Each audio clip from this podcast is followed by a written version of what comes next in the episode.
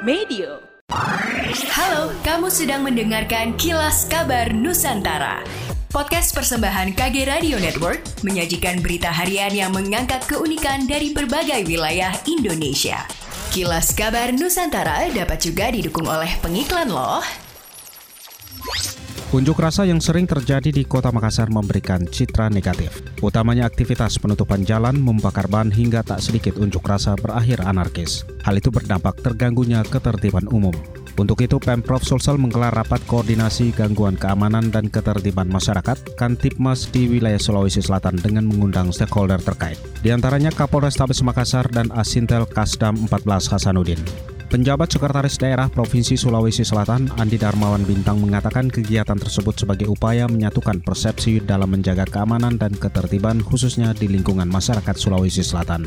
Menurutnya pemeliharaan ketertiban dan ketentraman masyarakat adalah amanah yang diberikan negara kepada pemerintah berdasarkan Undang-Undang Nomor 23 Tahun 2014 tentang pemerintah daerah. Kapolresta Malang Kota Kombes Pol Budi Hermanto SIK MSI menghadiri kegiatan musyawarah perencanaan pembangunan atau Musrenbang yang diselenggarakan oleh Biro Perencanaan Umum dan Anggaran atau Rorena Polda Jatim tahun 2023 di Surabaya, Rabu 26 Juli 2023. Musrenbang Rorena Polda Jatim kali ini bertema Polda Jatim Presisi siap mendukung percepatan transformasi ekonomi yang inklusif dan berkelanjutan serta suksesnya pengamanan pemilu 2024 yang diikuti oleh Polres Jajaran Polda Jatim. Kapolda Jawa Timur Irjen Pol Dr. Tony Hermanto membuka acara dengan memberikan sambutan Musrenbang Polda Jatim tahun 2023 sebagai realisasi tindak lanjut dari Musrenbang di Bali. Citra Satuan Polisi Pamong Praja Satpol PP di mata masyarakat identik dengan kekerasan.